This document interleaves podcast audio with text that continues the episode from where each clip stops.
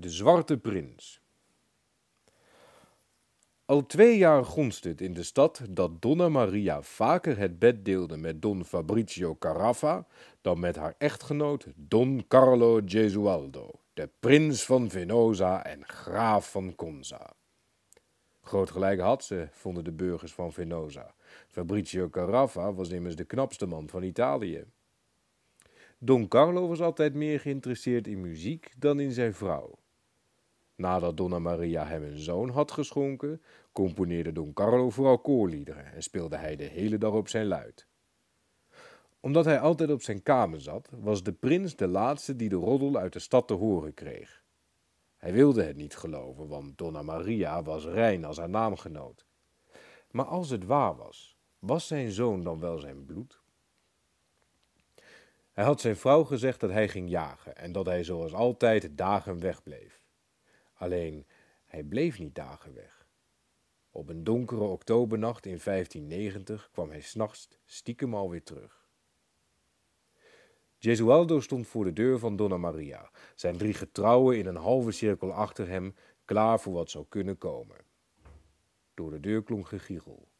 De prins stoomde naar binnen, schreeuwend: Worden Gesualdo tot hoorndrager gemaakt? Donna Maria gilde, Don Fabrizio schreeuwde. De prins riep zijn getrouwen dat ze Caraffa moesten tegenhouden. Donna Maria lag naakt op het bed, Fabrizio stond er naakt en in doodsangst naast. In zijn handen had Gesualdo de nachtjapon die nog warm was van Donna Maria's lijf. Trek hem dit aan, riep de prins en hij wierp zijn getrouwe de japon toe.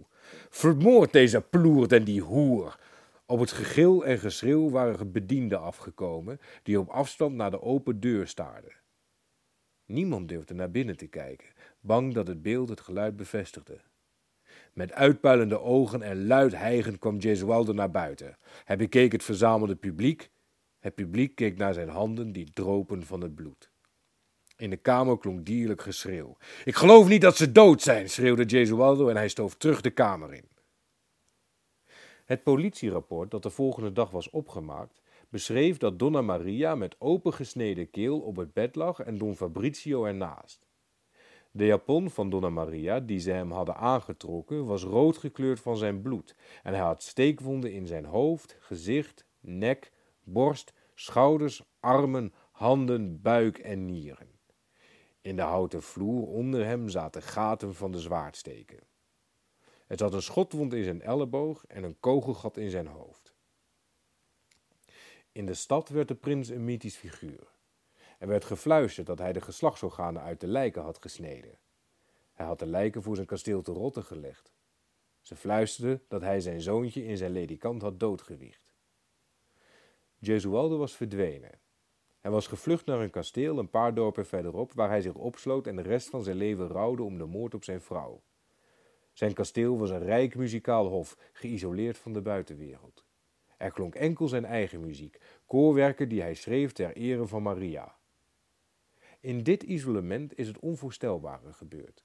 Hij vond een muzikale taal uit die zo vernieuwend was dat de harmonische complexiteit die hieruit voortkwam pas 300 jaar later door de rest van de muziekwereld werd bereikt.